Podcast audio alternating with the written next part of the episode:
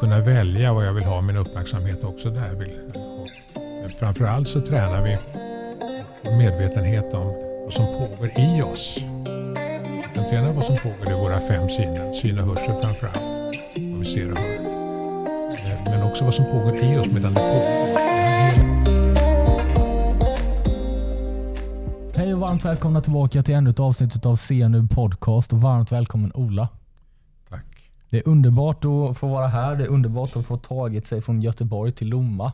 Det är en väldigt fin och härlig resa men den är rätt lång. Välkommen. Tackar. Men jag tänker vi jag tänker om du förklarar för lyssnarna vad du har gjort i ditt liv och var du kommer ifrån. Hur ser det ut då? Vad har du för karriär om du skulle bryta ner lite kort och lite enkelt? Jag är, allmänläkare och eh, har jobbat mer än 30 år som, som läkare. Jag har alltid varit intresserad av eh, att ge mina patienter verktyg för att hantera livet egentligen.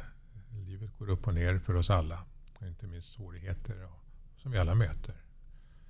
Så jag sökte olika verktyg och det var så jag kom in också på, på mindfulness. Jag har också en långvarig ideell bakgrund. Jag har varit mycket aktiv för att få bort kärnvapnen i världen i en organisation som 1985 fick Nobels fredspris. Jag var faktiskt där själv då. Så jag har en lång ideell bakgrund och eh, den präglar mig fortfarande att se lite grann så jorden som en patient ytterst. Vart är vi på väg någonstans? Särskilt om vi ser hur det ser ut idag. Och där kärnvapen har kommit upp på agendan igen, tyvärr. Eh, och, eh, så jag kom in via mindfulness eh, för 20 år sedan ungefär. Min hustru är från Ukraina, högaktuellt förstås. Och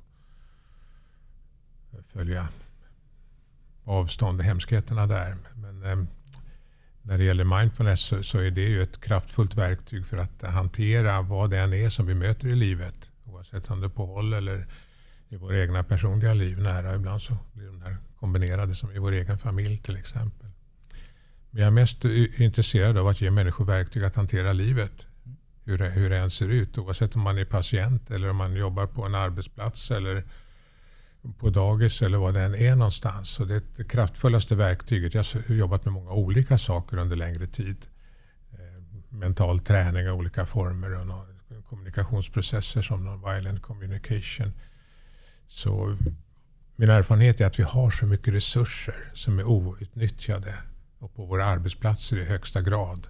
Och när det gäller mindfulness som vi strax ska prata om så, så skulle de flesta arbetsplatser och företag har stor nytta av att utbilda, ta, ta vara på medarbetarnas resurser helt enkelt. Bortanför vad man tror är möjligt på ett sätt. Så det är en stor outnyttjad resurs som, som vi har inom oss. Och det, det rör sig om vår medvetenhet, hur vi förhåller oss till saker och ting.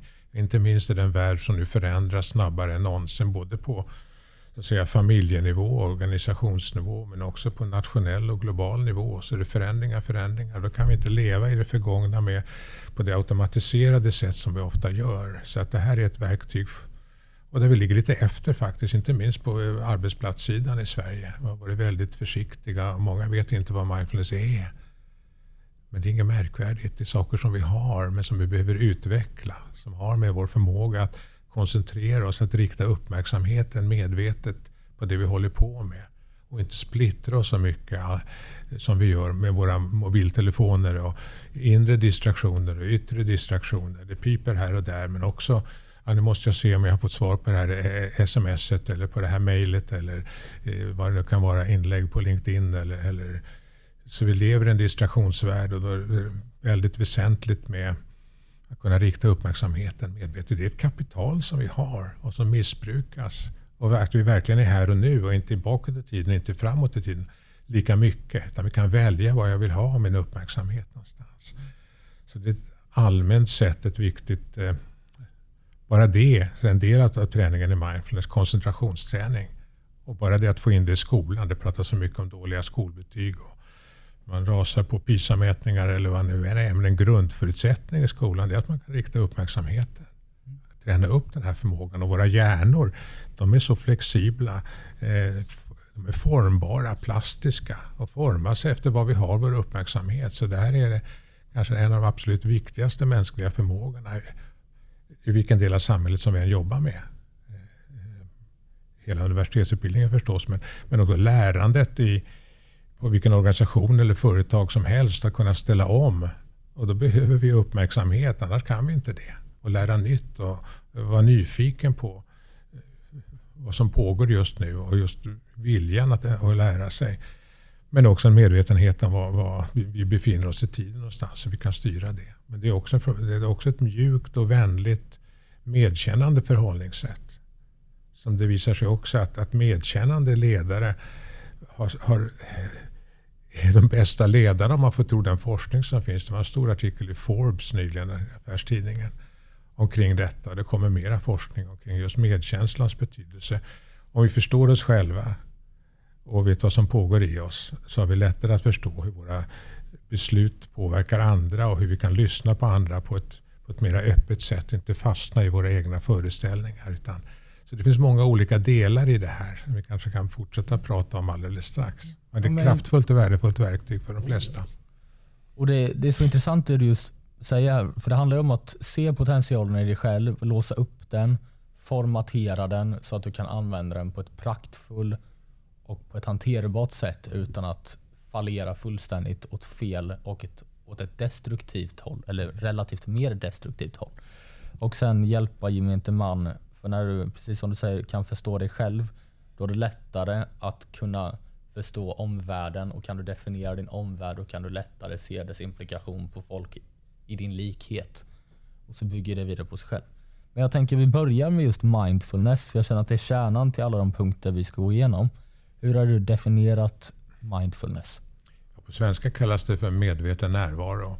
Och, eh, några bitar jag brukar ta upp. Först är koncentration som vi just nämnde. Att kunna välja var jag vill ha min uppmärksamhet någonstans. Och det bygger på medvetenhet om var jag har den.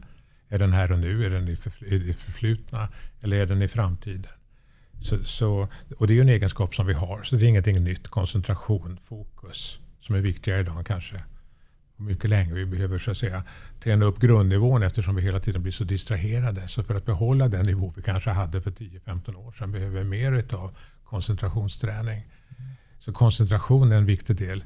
Och en annan del är medvetenhet och som ligger i medveten närvaro. Medvetenhet om sinnets resande i tiden. Alltså vi, den enda stund vi har det är här och nu. Just den här stunden när du lyssnar eller du och jag sitter här. Den enda stund som vi har egentligen. Och I den här stunden så reser vårt sinne bakåt i tiden till vad som har varit. Automatiskt reser den bakåt i tiden eller framåt i tiden.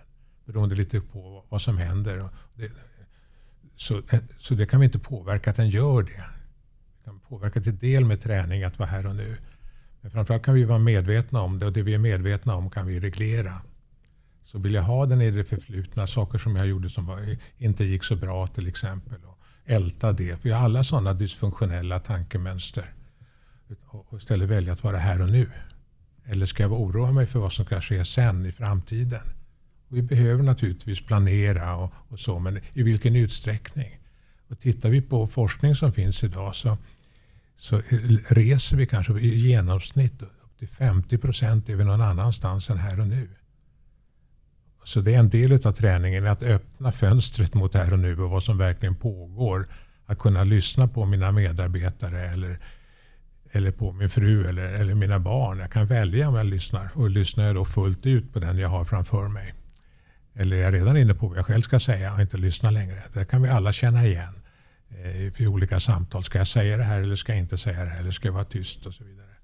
Så det är en träning i att sinnets resande tid. Att kunna välja vad jag vill ha min uppmärksamhet också där. Och, men framförallt så tränar vi vår medvetenhet om vad som pågår i oss. Vi kan träna vad som pågår i våra fem sinnen. Syn och hörsel framförallt. Vad vi ser och hör. Eh, men också vad som pågår i oss medan det pågår. Vi har hela tiden ett flöde av tankar till exempel som bara kommer. Kanske 90-95% av våra tankar är automatiserade. De bara kommer. Jag utsöndrar tankar om man ska prata läkarspråk i det här. Jag är läkare ju som, som sagt. Eh, så, och, och, och, inte tro på sina tankar. Vi har dem. Ett flöde av tankar. Vi är dem inte. De kommer och går. Så att bara träna upp den förmågan så vi kan iaktta oss själva när vi sitter med metamedvetenhet och använder ett konstigt ord. Och en annan del är vilka känslor som, som pågår i oss. Så vi är känslomässigt medvetna så vi inte är reaktiva. Och inte minst tränar vi oss på att hantera känslor av obehag. Människans natur är i hög utsträckning sån att vi vill gärna ha mer av det som är gott och behagligt. Samtidigt kan man säga idag att det är många som får för lite gott och behagligt i sina liv som bara jobbar på och jobbar på så man glömmer bort den delen där vi får kraft och återhämtning. Som kanske är ett större problem än stressen idag. är just att vi får återhämtning. Kroppen är inte gjord för ständig aktivitet. Ehm. Men jag tänker, när du pratar medvetenhet och känslobaserad medvetenhet och metamedveten, eh, metamedvetenhet. Hur, eh, jag ser det som en fara av att falla in i rutiner som varken är destruktiva eller progressiva utan bara som låser dig på en viss bana i livet. Mm. Då, I mitt huvud så bildas en uppfattning av att det kan finnas en risk för att du missar potentiella möjligheter att vidga ditt fönster som du pratar om. Mm. Av att du vänjer dig i att vara bekväm. Ja. Är det en fara för människan att vänja sig vid att vara bekväm inför framtida potentiella händelser? Bör man då bygga upp självinsikten att okej, okay, även om det kan göra lite ont att arbeta med mig själv så är det värt det för att jag är mer förberedd för potentiella hot och omständigheter som kommer. Det känns som att det är det du går lite åt.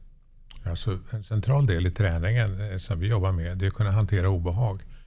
Som vi automatiskt ofta eh, omedvetet eh, vill undvika. Det ligger i människans natur att söka sig till det som är gott och vill ha mer av det. Ytterligheten är missbruk. Eller att undvika det som är obehagligt. Och vi lever i en kultur idag som är mer behaglig för väldigt många, inte alla förstås. Och, och det ska vara lättsamt. Och jag också som, som läkare under många år så ser det helt annorlunda ut idag. Man söker mycket, mycket tidigare för mycket, mycket smärre saker. Och man ska ha kontakt med en, en doktor eller någon som kan svara på det här för väldigt bagatellartade saker. Och det gör också att man frånhänder sig en del av sin autonomi, sin förmåga att hantera livet självt. Så det är något som vi jobbar med, är just att kunna hantera obehag i viss utsträckning. Inte, inte så att det blir för mycket så vi blir överväldigade, för då lär vi oss ingenting. Men att kunna möta det som är obehagligt. Och det, en av de delarna kan ju vara just förändringar. Och inte sitta fast i det som har varit. Och livet präglas ju av förändringar som vi var inne på i hög utsträckning. Så att kunna hantera obehag, vilket ju också har med hälsa att göra eller om man ska byta vanor så är det alltid förenat att stiga ur sin autopilot utanför sin komfortzon helt enkelt. Och det präglar ju många arbetsplatser idag. Det är så, så mycket förändringar. Så jag kan förhålla mig till alla dessa förändringar med någon slags integritet och att inte uppfatta mig som ett offer utan som, som, som delaktig. Och jag vet att jag kan, vad jag kan påverka och vad jag inte kan påverka. Så det är en slags flexibilitet i det här. Och följa med i livet men också sätta ner foten ibland när det är orimligt. Så att en mer nyanserat förhållande till livet som tar vara på ens egna eh, resurser och utvecklar dem bortanför vad vi kanske tror är möjligt många gånger. Mm. Jag tänker i praktiken, det pratas ju väldigt mycket idag om trauman. Mm. Vi ser folk som Tony Robbins som visar upp på offentlig plattform hur man kan tackla trauman som världen har in, influenserat i dig. Som har påverkat dig som inte du egentligen har jagat efter mm. eller strävat efter att tackla själv. Mm. Men det kan ju finnas traum, du kan ju skapa ditt egna trauma någonstans, eller din egna trauma, traumatiska bana av att många idag som är entreprenörer, lite mer speciellt i alla fall ur min syn. Det här att ja, men när jag känner att jag kommer närmare min egna definition av framgång, jo, men då börjar jag riva ner stegen när jag har ett trappsteg kvar. Hur kan man i praktiken förbereda sig själv på ett icke-destruktivt sätt för att kunna tackla trauman som du själv kanske omedvetet lägger på dig själv eller skapar för dig själv och för världens alla traumatiska händelser som kan potentiellt påverka dig? Oj, det var en stor och eh, komplicerad eh, fråga som jag inte vet om jag har något eh, bra svar på. Men en hel del, det du nämner här är ju vara nära framgång. Och, och det har ju mycket med att göra vilka förväntningar jag har på, på, på hur det ska vara. Så, så en del är ju, där är ju också en balans. Väldigt mycket av ett balanserat förhållande till, till, till vad, som, vad som sker och eh, vad jag lägger in för värderingar i det. Och vad är det egentligen som är viktigt? Det, det ställer ju det är stora frågor som du ställer om vi tittar på framgång. Vad är framgång? Framgång för vem och vad? Och, och jag föredrar att titta på det. Vad, vad, är, vad är det som är viktigt i, i, i mitt liv? Vad vad, vad är det jag vill under min tid på jorden ytterst. Och det beror lite grann på vilken ålder man är och, och det, så, så det där påverkas ju av vad det är. Och till att börja med kan det vara att, att, få en finansiell stabilitet och, och, eller fullgöra sina eh, gå en riktning som uppfyller ens drömmar. Men sen ändras ju allting genom livet. Så mycket av den här träningen är ju också ett, ett, ett förhållningssätt som vi ser på verkligheten som den är. Mer än som genom ett filter vad som är min framgång. Om jag sitter fast i det på ett statiskt sätt. Då kan jag ju misslyckas direkt. Men många entreprenörer till exempel, som du själv, de prövar ju om och om, om igen. Alva Edison brukar, ju prata, brukar man ju prata om, jag vet inte hur många gånger han misslyckades, men det är en del i processen. Så att inte sitta fast i sina föreställningar, ha ett flexibelt öppet sinne. Men också ta hand om sig själv. Sen vilka trauman vi har, det finns ju olika nivåer där också. Eh, och, och, eh, jag är så pass gammal också så jag har sett olika vågor komma och gå. Just nu är det en traumavåg som som eh, regerar eh, lite grann. Och det, det, finns naturligtvis trauman som, där man verkligen behöver psykoterapi och eh, professionell hjälp. Så, så det har blivit lite grann av ett buzzword skulle jag vilja säga också i olika sammanhang. Och, och samtidigt så finns det trauman som, som um, finns i generationer tillbaka. Om vi tar kriget och hur man kan ju för, för, bara tänka på hur kriget i Ukraina kommer att påverka ukrainare under generationer som kommer att sitta kvar på, på, på olika sätt. Och, eh, min fru är från Ukraina. Så, så i, i, i de ungdomar eller vuxna kvinnor och män som växer upp finns också traumat sedan andra världskriget kvar. Mm. Så, så, det, så det, det, vi lever på, på olika sätt. Och, så det, det, är komplexa frågor ska jag vilja säga. Men här är också ett sätt att hantera trauma. Och, och, på någon nivå. Mm. För det låter som att du ser trauma som någonting man ärver.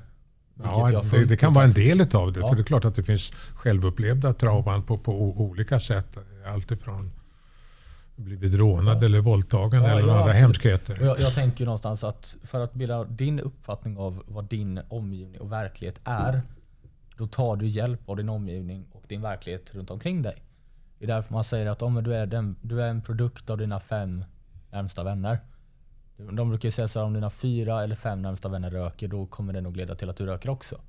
Och jag kan tänka mig att det blir samma sak med trauma. Om alla dina närmsta i din omgivning har genomgått ett tungt trauma, så kommer du bygga upp samma typ av rädsla då också. Eh, och då, då undrar jag just det här att, för det låter som att du säger att gör dig själv formbar, gör dig själv lite mer flytande och inte så statisk när du kommer till olika typer av problem stegvis i livet hur de ser ut vid olika punkter som du bryter ner åldersvis. Och du har olika plikter vid olika tillfällen beroende på vilka och vem du bär ansvaret för. Lite, ja, precis som vi sa, åldersvis. Så är det, är det det som är nyckeln till att börja med att inse att, när vi pratade framgång, att det inte är någonting man ska ha definierat till, ett, till en saklig grej och bara hålla sig till den. Utan hålla det lite odefinierat för sin egen säkerhet så att man håller sig lite för, formbar för sin omgivning.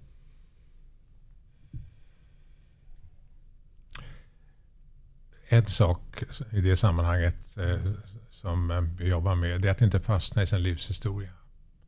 Det är så lätt att vi tror vi är vår livshistoria. Det är klart att den har påverkat oss på olika sätt. Men den, den, den, den förändras ju hela tiden. Och alltså, om man ser på sin livshistoria i, bakåt, om man är äldre än vad du är, som, mm. så, så ser man inte samma person för tio år sedan som man är idag. Vi, har, vi ser på världen utifrån den vi är idag, när vi tittar på vår barndom till exempel. Men när vi var barn så såg den vi på ett annat sätt. Så vi kan föreställa oss hur var det när jag var tio år eller någonting annat. Så vi ändrar vår livshistoria. Mycket mindfulness går ut på att eh, öka sin observationsförmåga. Och vad som pågår i oss och runt oss här och nu. Och få ett annat förhållningssätt till våra tankar. Apropå att vi inte identifierar oss med dem på samma sätt. Utan vi har ett friare förhållande. Oj, nu kommer den där tanken på hur dålig jag är. Eller, eller vad det nu kan vara för någonting. Är bra också för den delen. Så vi får ett annat förhållningssätt och väldigt mycket också erfarenhetsbaserat. Det vill säga att vi kan se på saker på ett annat sätt. Tankar som dyker upp i, i livet just nu. Eller hur vi kan hantera känslor på ett mindre automatiserat sätt. Se att vi har val. Hur vi förhåller oss till vad som sker här och nu. Och medveten om de filter som vi har mot verkligheten. Vi ser på verkligheten på olika sätt beroende på vår, på vår bakgrund, och uppfostran och utbildning. Och vilka relationer vi har haft som du, som du är inne på. Vilka för våra föräldrar var. Och vilken utbildning vi har, vilka yrkeserfarenheter vi har. Så, så det, det, är både en hjälp och en tillgång. Men det är också ett hinder. Därför att våra tankar och, och våra erfarenheter lägger sig som en, som en filt. Eller vi ser på dem genom ett prisma eller glasögon. Så om vi inte är medvetna om det så tror vi att vi ser verkligheten.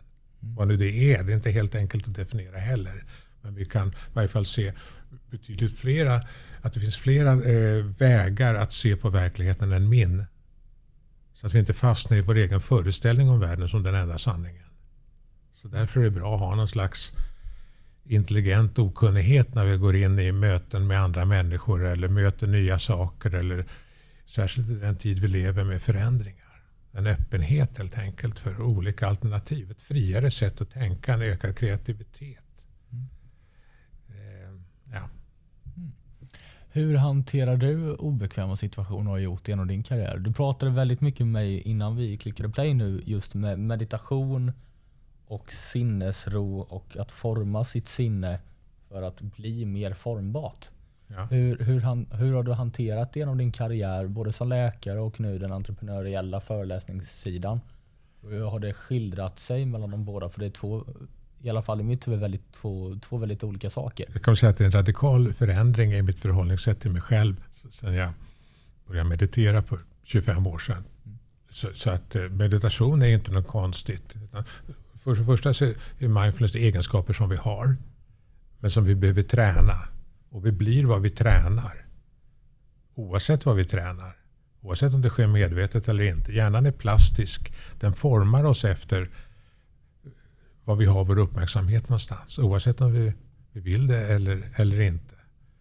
Så min medvetenhet är betydligt högre idag än vad den har varit tidigare. Så jag kan förhålla mig till olika situationer på ett annat sätt. Och meditationen är gymmet för hjärnan.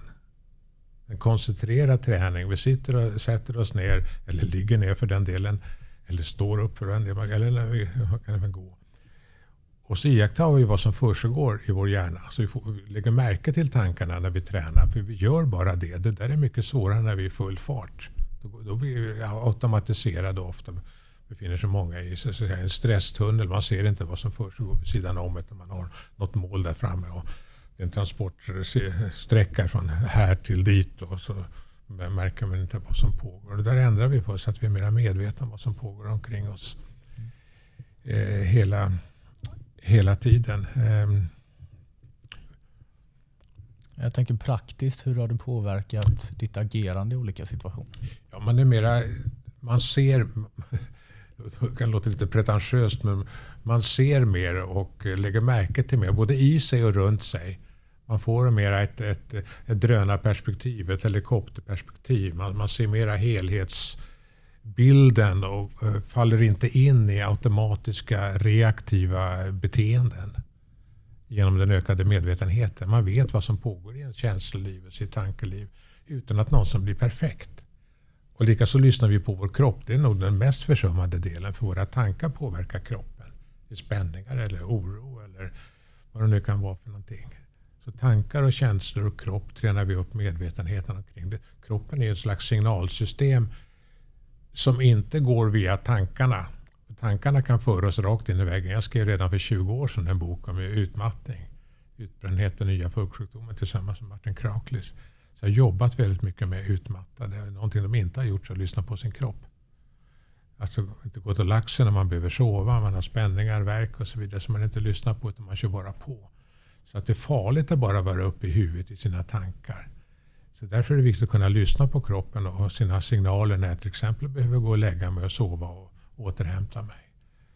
Och, och så, så det är basala saker som vi egentligen lär ut och som det är viktigt att lära sig från början. Mm. Alltså redan på förskolenivå ska man kunna säga. Lära sina barn inte minst. Så, så, så vi tränar upp det här under meditation. Mm. Och, och i vardagen. Jag menar, egentligen är det så vardagen kan man säga är den stora meditationen. Så vi, vi måste träna för det. Det är som vilket gym som helst. Eh, man måste träna för det. Sen kan man tävla om man vill också. Men, det gör vi inte i mindfulness. Men, men. Så, så det, är en, det, är en, träningsarena och tio minuter om dagen gör faktiskt en avsevärd skillnad. Det svåra är att ta sig tiden. Och vi har ju, jag har gjort ju, min, min eh, ambition eller vision är ju att göra den här träningen lättillgänglig. Så vi är nere nu på 10 minuters nivå. 10 minuter om dagen kan göra skillnad. Men det gäller att ta sig den. Och tittar man på en arbetsplats så är det bra att man integrerar eh, mindfulness i verksamheten. Till exempel på möten man har. Om man bara landa först under tre minuter. Kanske gör något kort fokus på andningen. Kroppen är alltid här och nu. Så använder man andningen eller riktar den på kroppen på annat sätt.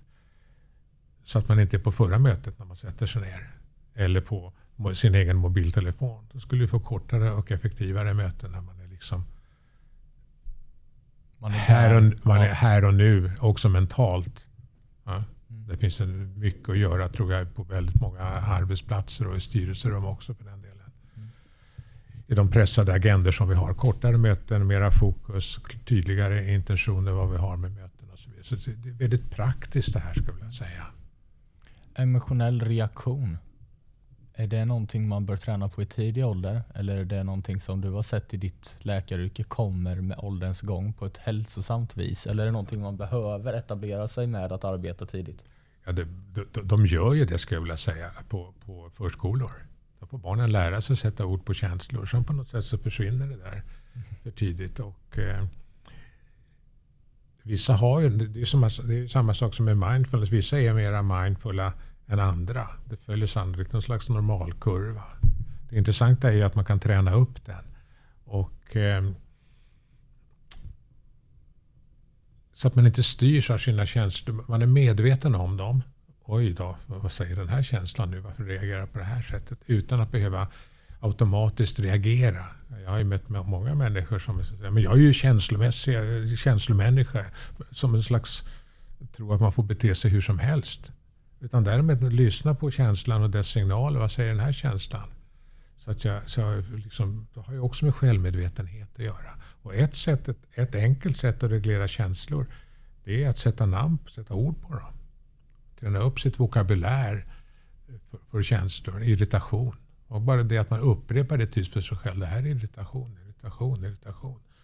Då, då går det signaler här från längst fram, kallar vi för prefrontala cortex. Här i, i pannan eh, ner till känslohjärnan. Så att den känslomässiga reaktionen bromsas. Det har man sett i magnetröntgenkameror. Så bara det, så det är ett sätt att bara sätta ord på känslan. Så har den, då har den så att säga nått medvetandet. Bara det att de här banorna, eh, nervbanorna ifrån pannan här och eh, bakom pannan till känslohjärnan, de utvecklas väldigt sent. Så dina är inte fullt utvecklade än. Det gör den först i 25-årsåldern. Stämmer det? Jag, jag fick höra det för två år sedan och det spräckte i huvudet på både mig och min yngre bror som också etablerade sig via entreprenörskap. Och vi båda satt i bilen efter det och tänkte det här kan inte stämma. Vi började ju säga att det här kan ju inte gå ihop. Men det var ju för att vi inte ville inse det. För att man vill ju inte lite tonårsaktigt inse att man är i ett underläge i någon form. Och det är lite sådär hormonbaserat. Testosteron börjar komma när man blir äldre. Och det har ju gjort hur mycket som helst för att efter den dagen vi såg i världen på ett annat sätt. Vi såg den inte så grå, vit, svart utan man såg den i nyanser på ett helt annat sätt. Så det är enormt stort att höra att du som läkare säger det också. Men vad är det som händer runt 25-årsåldern? Ja, det, för att eh, eh, nervimpulserna ska gå snabbt så, så, så, så ska nervcellerna myeliniseras, heter det. Det är de här för att det ska bli snabba fibrer. Och det gör de först till 25, 25-årsåldern fullt ut. Det är inte så att det är antingen eller. Nej, nej, nej, Ingenting är är en antingen eller. Utan det är en process som man tror att det är fullt mognad. Det kan säkert variera som allting annat i den biologiska världen. Från individ till individ. Jag brukar skoja om det där. Eh, Jag har ju själv tonåringar så att när jag föreläser så brukar jag säga det. Att tänk på det nästa gång de gör något som, som de, ni inte tycker om. Kan ni tänka så här, men säg det för guds skull inte. Lite omogna pannlober där så att ehm, så är det. Men, men, men överhuvudtaget, det är klart man kan lära sig en viss känslomässig reglering tidigt också beroende på uppfostran och mycket annat. Men syftet är inte att förtränga känslor. Utan det var att bli medvetna om. De har en viktig signalaspekt. Ofta om behovet är tillfredsställda eller inte. Så vi kan titta på olika känslor. Jag har jobbat mycket med non-violent communication eller compassionate communication. Och där jobbar vi just med vilka behov ligger bakom den här känslan. Och när vi ser på behoven bakom en känsla i oss själva eller bakom en annan, hos en annan människa, då blir vi väldigt mycket mer mänskliga. Våra behov är generella egentligen. Alla vill bli älskade eller leva ett tryggt liv. Eller vad det nu kan vara för någonting. Och ha hälsa. Så att vi, vi, är mera lika än olika i grundbehoven i varje fall. Så att vi kan träna upp de här delarna. Intressant att du säger det. För att jag och min bror, vi insåg någonstans att det här är, vi såg det först som ett problem. Inte som ett farligt problem, men som ett problem som vi inte har verktygen än för att kunna lösa. Men vi, kan, vi har verktyg nu att kunna identifiera det som att vi kunde identifiera att det hände i bilen direkt efter. Men det är så intressant att du säger det. Jag tänker vi kan gå in på tanken och just kroppen. Det fysiska kontra det abstrakta och hur det går ihop med varandra. För då har vi brutit ner egentligen meditationens inverkan på människan. Det helikopterperspektivet, att du kan jämföra olika situationer och inte fastna situationsbaserat tänkande. Att varje pussel är ett nytt pussel utan det är pussel fortfarande. Hur, hur har du sett på tanken och kroppen om du skulle definiera det eh, när du var läkare och hur det såg ut då med det ramverket kontra när du började föreläsa i den typen av sfär? Hur har ditt synesätt på de två orden förändrats? Och vikten av att arbeta med det. Först vill jag säga det som jag inte tog upp här. Det är ju, en del av meditationen är ju också att vi, vi blir lugnare. Eh, mindre stressade.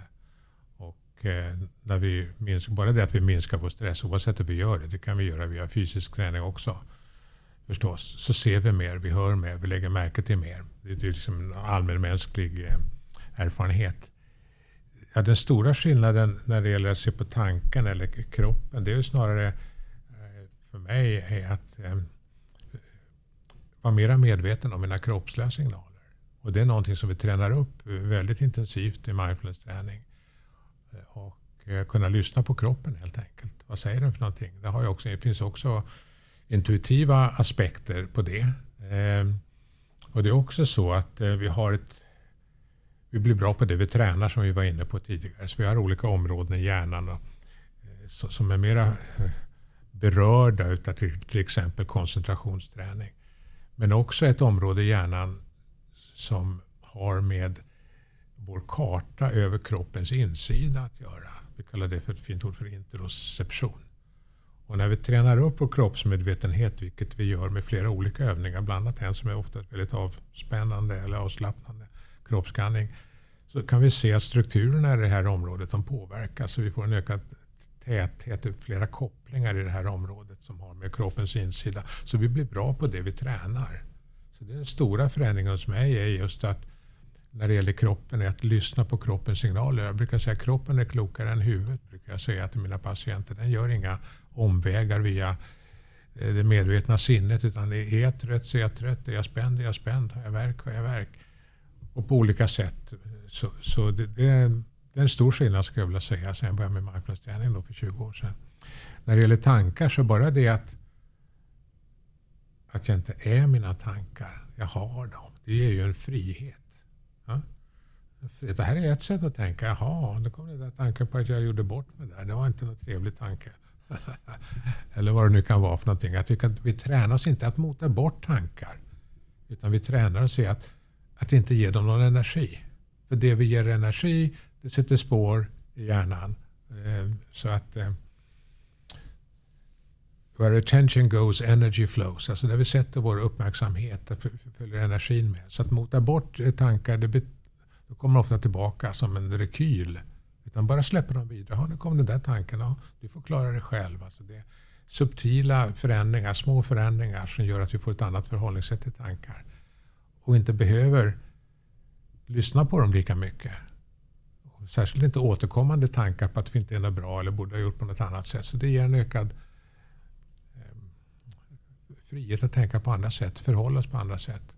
Mm. Inte gå in i diskussioner där vi inte behöver. Ska jag göra någonting åt det här? Kan jag påverka situationen? Eller ska jag låta den vara? Jag kan släppa mycket som inte är så viktigt och börja göra mer av det som i överensstämmelse med våra värderingar.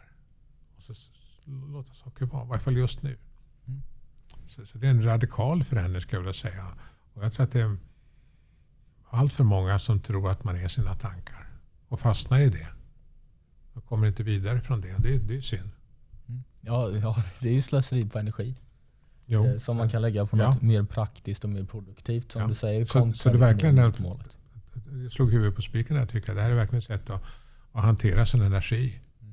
Det är det som är viktigt. Så att säga, göra det som är viktigt eller inte göra det. Att, mm. Energihantering helt enkelt. Men jag tänker när det kommer till kroppen. Jag har ju spelat egentligen varenda idrott som går att spela. Har jag haft turen att jag har kunnat göra.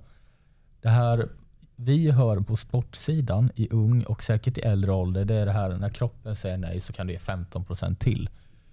Hur kan man urskilja på där ditt egna och egensatta stopp mentalt är och där kroppen faktiskt inte klarar mer? Finns det några signaler på där man kan identifiera det här är det här och det här är inte det här? Eller bör man undvika risken att kliva över den tröskeln ändå? Jag har två favoritsvar på de flesta frågor. Den första är jag vet inte. Och det brukar vara sant i många fall, i varje fall inte fullt ut. Och det andra, andra är det beror på. Det beror på situationen och sammanhanget och apropå skidstjärnor som tar ut sig helt och hållet. Som har det, så att säga, den mentala inställningen. Rent generellt sett är det aldrig bra. Eh, långsiktigt om det nu sker vid en tävling eller någonting sånt och en backe tar ut sig sådär fullständigt. Men frågan är om det är bra på längre sikt att göra det. det typ, jag menar, ska man fly och slåss och, av ett eller annat skäl undgå att eh, bli våldtagen eller jagad av främmande makt eller säga, soldater eller någonting annat i en krigssituation. Så då, då är det till för att man ska kunna fly och rädda sitt liv. Det är så vår kropp är gjord. Att vi ska fortplanta oss eller vi ska eh, undvika hot och faror för, för att överleva som art. Det är de två huvudsakliga funktionerna vi har. Och, och så, eh, så det gäller ju där också att lyssna på, på kroppen. Vi vet inte vad, vad jag vet så blir inte elitidrottsmän, eh, lever inte de längre än andra. Så det är säkert faror också att ta ut sig helt och hållet. Eh, det finns en massa andra problem också med, med idrotten på det sättet. Men för de allra flesta är det nog viktigt att kunna lyssna på, på kroppen och kroppens signal, vilka vissa inte kan. Jag tror inte att alla kan bli utmattade utan man har så att säga ett signalsystem som eller det säger stopp bara, så man måste vila och återhämta sig. Medan andra kan köra på rakt in i väggen. Inte minst eh, personer som har ADHD till exempel. Och, och så. Så, att, mm. så det, beror på, det beror verkligen på, och på situationen också. Och det är inget farligt att, apropå entreprenörskap eller så, att köra hårt under några månader. När man möter utmattade så, så är det mer, är det mer att man är förvånad över att man har klarat att leva på det där sättet i fem år.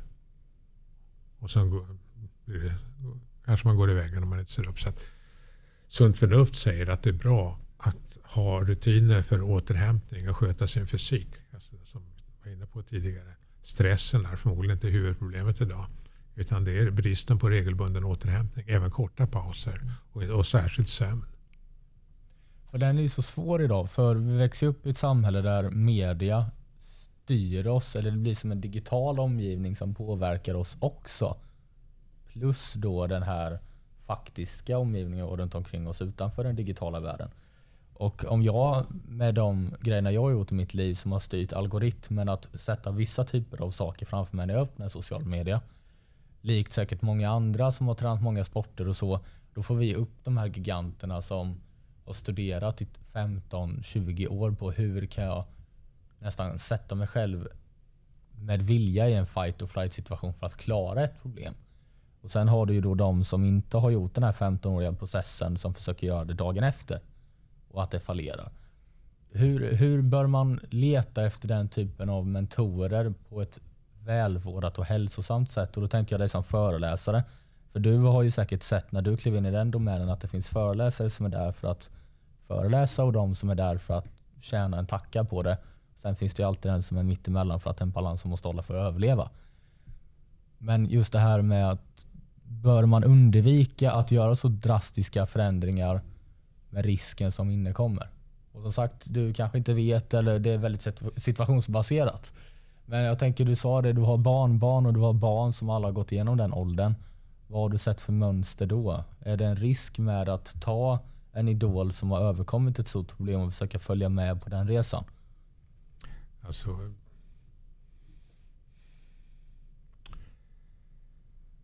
jag tror ju på att vilken elitidrottsman kan titta på Duplantis som började när han var fyra år någonting sånt och hoppade stavhopp. Det är klart att det är, extre, det är extrema personer och personligheter och föräldrar också runt omkring. Så att det kloka är väl att eh, känna sig själv där också och inte tro på de här skuttet som man gör inte minst som tonåring om du har sysslat med idrott och man ska bli den och den och det ska gå fort. Det ligger överhuvudtaget i vår tid eh, att det ska gå snabbt och man ska ingenting går fort på det sättet utan allting tar sin tid och det är en olika eh, motgångar. Det kanske är en av de viktigaste delarna också där är att kunna hantera motgångar. Det talas så mycket, det är enkelt att vinna och svårt att komma tillbaka. Så det är mycket det som gör en vinnare egentligen, vad det är. Men när vi tittar på idrotten i varje fall. Så att vi hanterar motgångar och motstånd och ser det som en långvarig process. Det är väl det klokaste. Ingen går så snabbt. Du kan titta på skridskoåkaren här, jag har glömt hans namn just nu, som, som vann OS på 5000 och 10 000. Han var extrem. Och det är outliers det här. Och det, vill man verkligen göra sig själv olycklig då ska man ju jämföra sig med de som är allra bäst. Det är ett säkert tips. kan jag säga. Så att det gäller att vara klok där också och se till de resurser man har. Samtidigt så finns det exempel på de som har struntat i vad andra människor säger. Så det, det är liksom lite grann både och. Men det bygger ändå på att man känner sig själv någonstans och vad som är bra. Och gör någonting som man tror på. Och gör den också utifrån hjärtat. Och inte för att någon annan säger det eller någon annan tycker det. Eller att det har ett högt status eller vad det kan vara för någonting. Utan att det kommer inifrån. Mm. Jag, jag tror den är väldigt, väldigt stor oavsett ålder, oavsett bransch, just att hämta din vilja, din vision och ditt mål utifrån var du står och vad du tänker att du kan klara av med de medlen du har. Precis som du säger, se processen mer än vinsten eller se processen före vinsten. Just för att koppla det till de här kärnvärdena du har gått igenom som ligger i grunden för allting. Men, men ibland är det ju så att man hamnar i situationer i livet som kan vara livsförändrande. Om man står inför val som kan vara livsförändrande. Och, och då gäller det att stanna upp och lyssna inåt, inte minst på sin intuition. Och den skulle jag vilja säga, den, den ökar med den här formen av träning. Och särskilt, jag menar, ju mer balans jag är, om vi talar om tankar, att det inte är så jättemycket brus utan det är lite lugnare. Och jag har så att säga, mitt känsla att jag är lugn inombords och i kroppen på något sätt. Och jag, då är jag mera eh, lyssnande på intuitiva impulser om vad som är rätt och fel. Vilket är det enda sättet i komplexa situationer. Så vi tränar upp den här förmågan. Vad, vad, vad, vad känns här? Samtidigt så gäller det att ha en öppenhet. Jag menar, skulle någon sagt till mig för 30 år sedan att, att jag skulle vara meditationslärare och syssla med mindfulness skulle jag bara skaka på huvudet. Så vi vet aldrig vad som kan, kan hända. Utan det viktigaste är väl att man är nyfiken och intresserad och, och inte vet. När vi vet redan hur det är, inklusive när man vet vad mindfulness är, ni som lyssnar nu, Släpp det. Jag vet inte det själv efter 20 år fullt ut.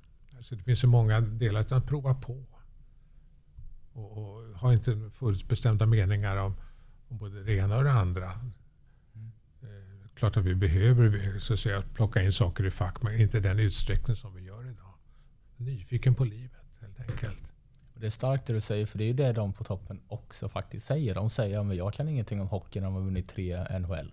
Nej, jag det... kan ingenting om Formel 1 när jag har vunnit som Hamilton allt som går att vinna. Och det, är, det är en viktig central inställning i mindfulness-träning också, att inte veta. Och det låter ju enkelt, inte veta. Men ska man inte veta någonting? Där? Jo, det ska man. Man ska inte kasta det över bord på något sätt. Men det finns någonting nytt här också som vi inte vet och ha en öppenhet för det. Så, så och, och, inte tro på sina tankar om att man vet lika ofta. Vi behöver det också. Så det är mer en, en balans där. En, se möjligheterna. Mm. Jag tänker om vi hoppar in på sinne. Och då skulle jag vilja gå ifrån din läkarbakgrund och din föreläsningsbakgrund och kolla mer på Ola åldersstegvis. Hur, hur har ditt sinne och din beakthet och beskådning av din sinnesutveckling förändras från när du var ungefär min ålder till idag? Det är ju självklart en stor förändring. Det kan jag tänka mig. Men just hur har du sett den förändras? Har du sett att om när jag fick mina barn så hände det här med mitt sinne. När jag gick igenom det här processen, när jag fick barnbarn så gick mitt sinne igenom det här. Har du något sånt du själv har upplevt som har förändrat din egen syn på vad sinne är och hur ditt sinne funkar? En stor och härlig fråga. Ja, och inte helt enkelt eh, reflektera. Vi har ju haft stunder av så att säga där jag gjort saker helt utifrån ska vi säga överraskande för mig själv. Det är en slags intuitiv signal som, som, som kommer. Eh, vid några tillfällen. Eh, men den stora förändringen är, är genom meditation. Att det finns en annan, annat, en bredare verklighet eller, som inte bara omfattas av ord. Menar, vi kan titta på vilket tv-program som helst. Det är så mycket ord, ord, ord. Prat om olika saker. Så där är en stor förändring. Att kunna se verkligheten på ett annat sätt bortanför orden. Orden finns med i medvetenhet.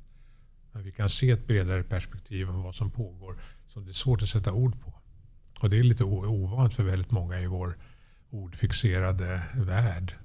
Där kan man jämföra lite grann med konst och musik och vad det nu kan vara för någonting. Naturupplevelser inte minst. Naturen hjälper oss att bli mer närvarande och medvetna. Och, och så. så att, eh, naturen har spelat roll också i mitt liv. Kombinationen av skulle jag säga. Jag älskar att vara ute i skog och mark. Och gör man ingenting annat kan man alltid vara där.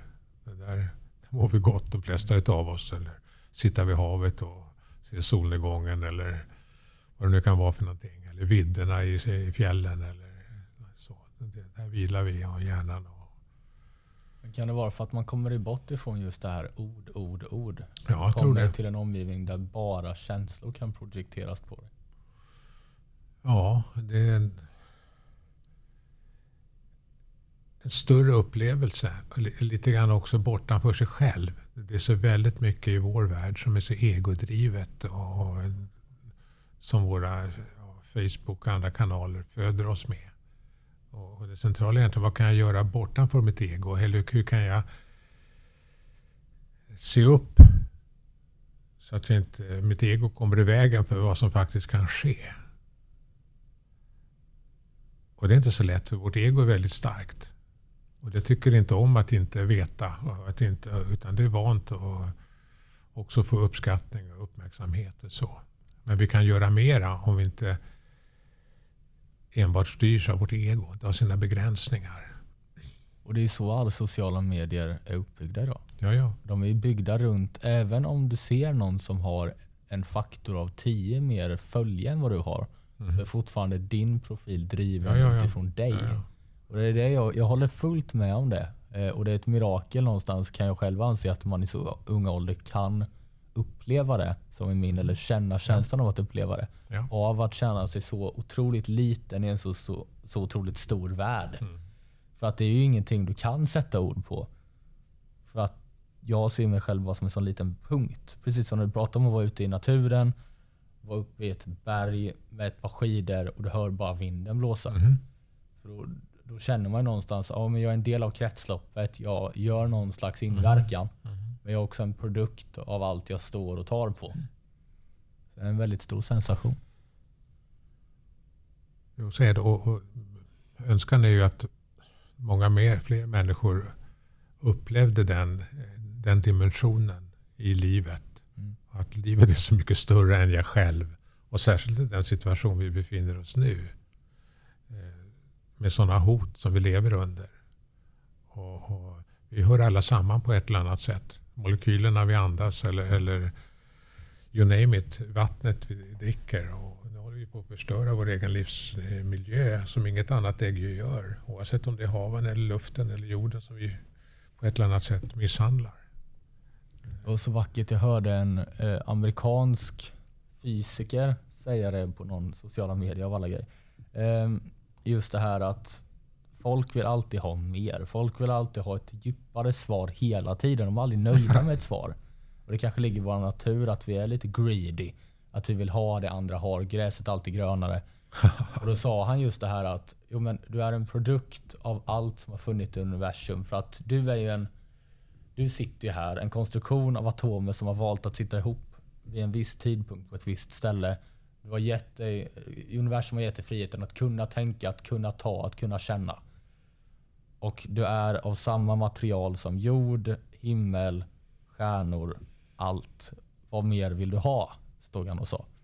Och då blir det just det att men om, sluta vara så girig på svar som kanske inte finns för dig där och då. Sök svar om du vill söka svar. Sök att utveckla sinne om du vill söka och utveckla sinne.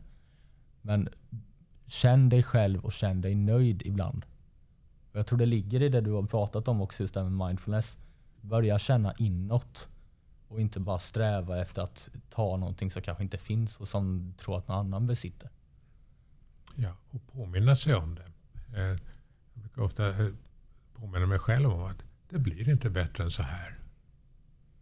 För det är en illusion att det är så mycket bättre. Det finns ju forskning som visar det också. Om man kommit upp till en viss eh, materiell standard så blir man inte gladare eller lyckligare. Eller tvärtom kanske man blir mer oroad över hur det ska gå med ens tillgångar och det ena och det andra.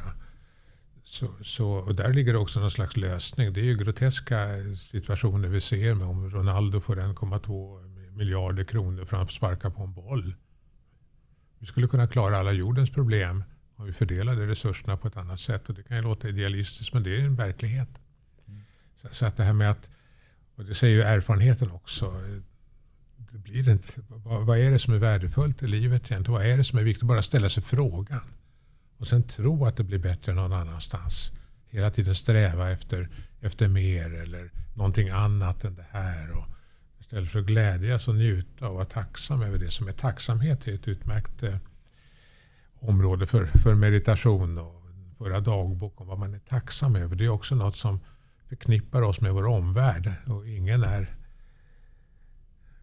en ö på något sätt. Utan vi är alla beroende av Du kan bara titta på maten du äter. Vilka, hur många som har bidragit till den under hela, hela kedjan. Alltifrån eh, tagit riset från marken till transporter och, eller frukter. Vad det än är för någonting som vi lägger upp. Titta på en måltid bara. Så, så bara tänka i de termerna.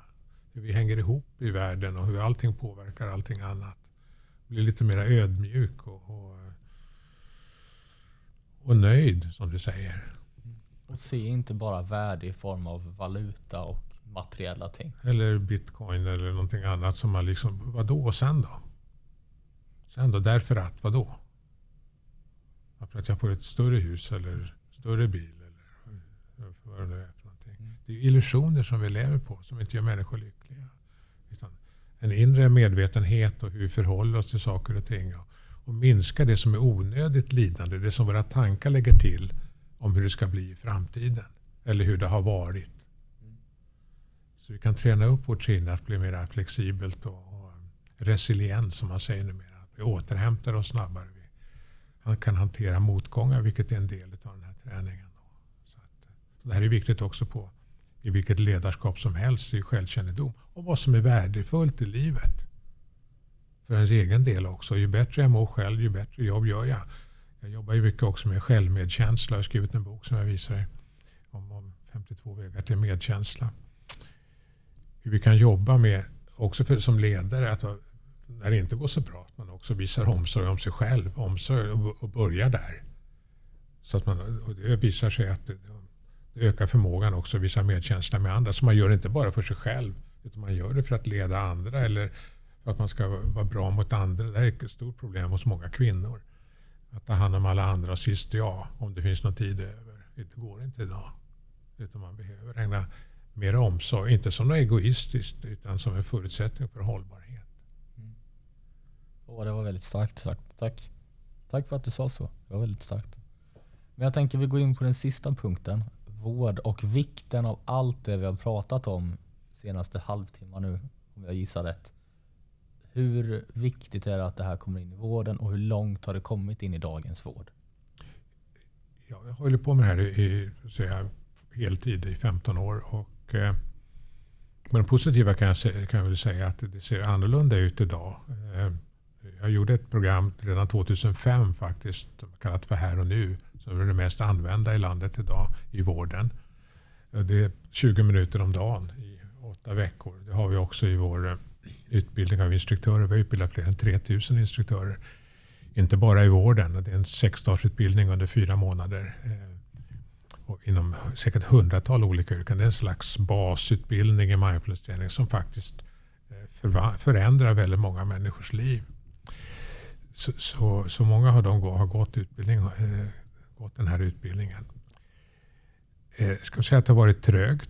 Det finns fortfarande mycket fördomar. Man vet inte. Det ligger lite vid sidan om. Samtidigt så har forskningen på det här området ökat radikalt. Eh, det publiceras nu ett par artiklar om dagen, vetenskapliga artiklar.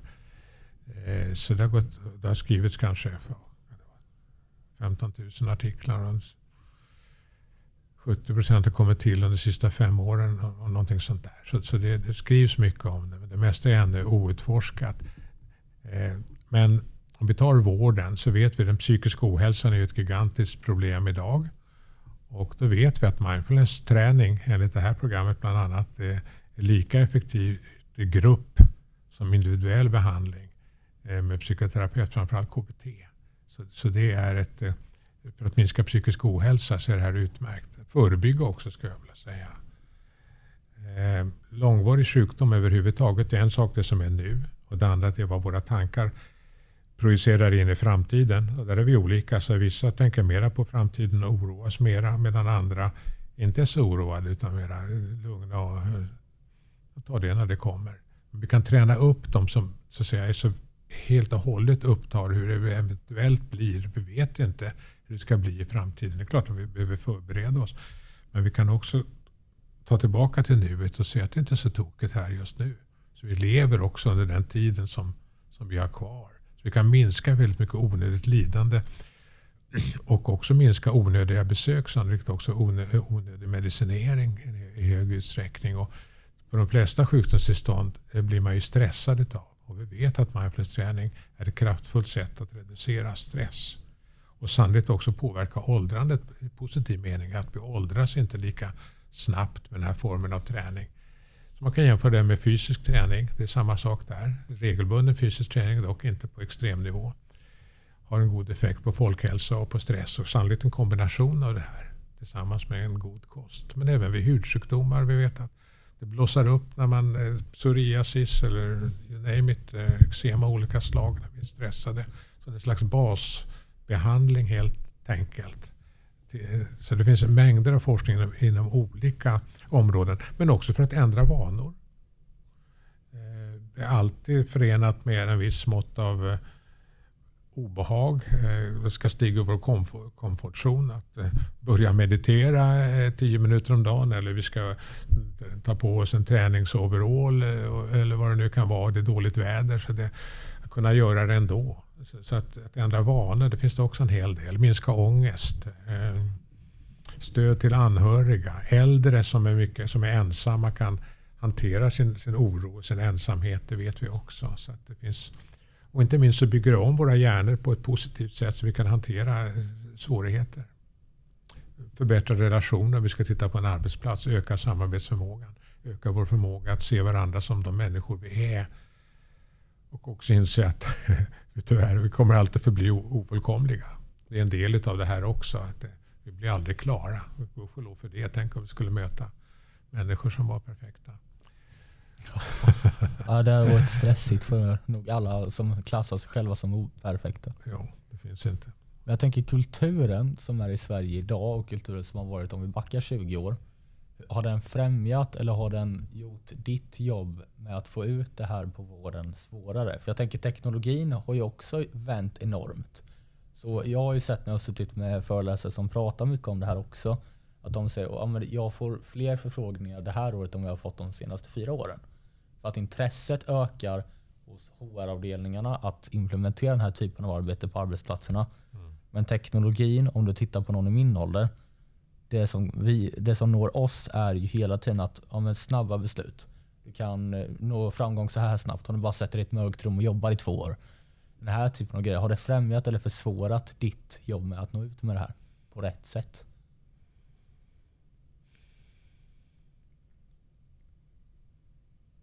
Ja, jag funderar, jag har inte snabbt svar på det. jag tycker det går för trögt eh, själv därför att eh, eh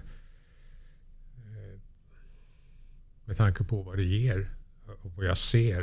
Varenda som går igenom vår utbildning får skriva en liten uppsats. Mm. Och jag ser ju hur mycket som händer bara på några månader med tanke på att man har ganska många decennier oftast med sitt liv bakom sig och hur, det, hur man kan få ett ändrat förhållningssätt i det. Eh, både ja och nej är svaret på den där frågan. Det, det både underlättar och gör det svårt, eh, svårare. Eller, det finns så mycket missuppfattningar om vad man ska göra och inte göra. Och lite grann som du säger att det, det finns ju hur många appar till exempel. Vi har också en app, eh, Mindfulness Center-appen. Eh, om man lyssnar på någon enstaka övning och det var ju skönt då. Men det som ger någonting det är den regelbundna träningen. Precis som vid fysisk träning. Här tränar vi mera mentala muskler. Och det är egentligen anmärkningsvärt. Jag tänker på det, jag ser så många människor ute och jogga och springa. Jag undrar hur många människor som skulle meditera lika mycket som de sprang. Eller gärna kombinera det. Så, så att vi ligger efter kulturellt sett i det. Och, och, det svåra är ju att, att få in det med någon slags regelbundenhet. Det kommer vi att, bland de instruktörer vi har så planerar vi nu att ha åtminstone ha veckoträffar. Så de som jobbar med det här inte gör det ensamma. Vi är också eh, vi söker alla gemenskap och eh, att höra till någonting. På engelska belonging. Att vara någonting tillsammans med andra i en grupp. Så det är en viktig del. Och just, jag har också ett antal yngre eh, som gått instruktörsutbildning, alltså under 30. Och den grupp som jag vill sikta in mig på nu som går på en instruktörsutbildning. För att kunna, bland annat det som du tar upp, anpassa vår träning till deras sätt att leva helt enkelt. För att man har ju verktyg med sig sen för resten av livet. Och det är därför jag vill ha in det bland barn och ungdomar. Den psykiska ohälsan har ju gått ner i åldrarna sedan jag började för många år sedan.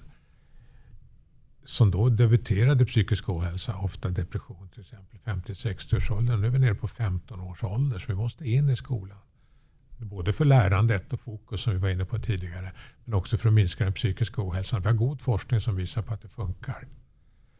Så att, eh, men tror du att det är brist på kunskap i låg ålder? För när jag pratar med mina vänner som vill utvecklas på alla dess fronter som de kan.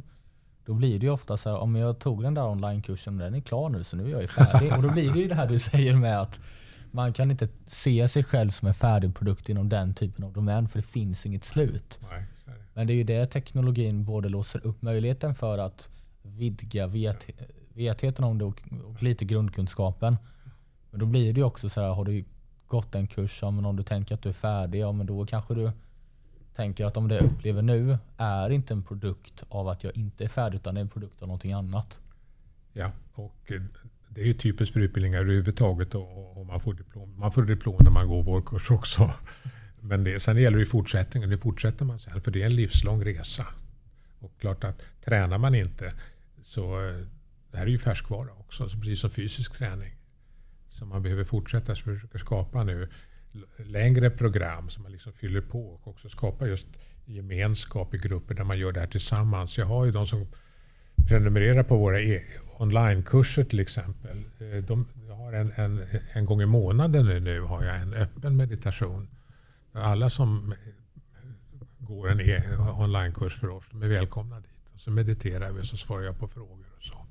Det brukar vara ett par hundra som, som, som kommer på de där träffarna. Och kommer gärna bli fler. Men jag tror på det här sammanhanget. Och, och särskilt när det är någonting nytt och det inte finns några andra fora för att träffas på det sättet. Så jag tror det är en styrka om man kan göra det tillsammans. Så man har en grupp av något slag. Och det är ju mycket möjligt digitalt förstås. Det, så det vi tränar oss. Eller på en arbetsplats.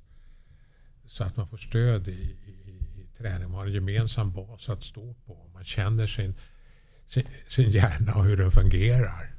Så det här, Sverige ligger som sagt var efter.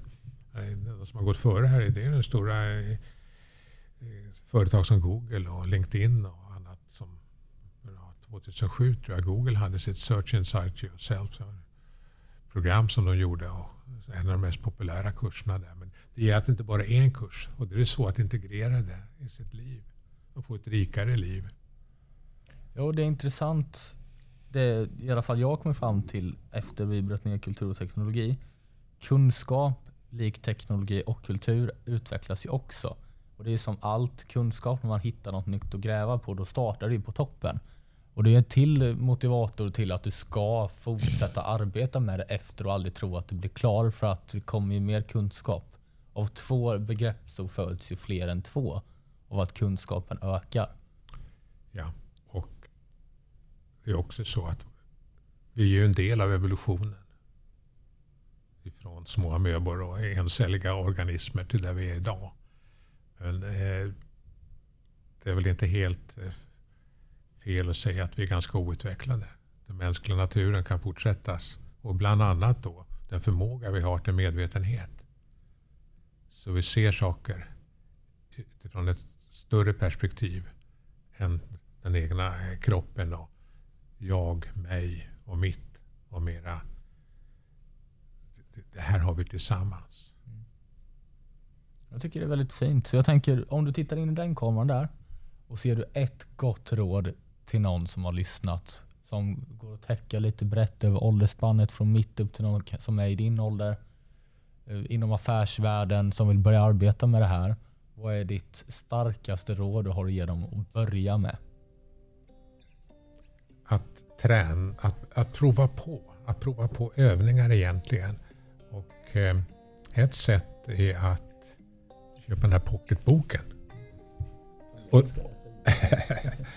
och inte för att läsa boken utan för att ta del av de övningar som finns här online i boken. Därför att det är övningarna som ger effekt. Jag har en del vardagsövningar här också men framförallt eh, för att träna att öva och se vad som händer. Var nyfiken på vad som pågår i dig. Från var varje gång som du gör en övning. de här övningarna i den här är på 10 minuter ungefär. Så, så, testa det och se vad, vad du tycker. Du kan också gå in på vår hemsida mindfulnesscenter.se. Där har jag en 7 minuters övning, kroppsskanning, som är väldigt lätt att bara lyssna. Ofta är den avslappnande också, om inte annat. Och det ska inte vara på något särskilt sätt när du övar.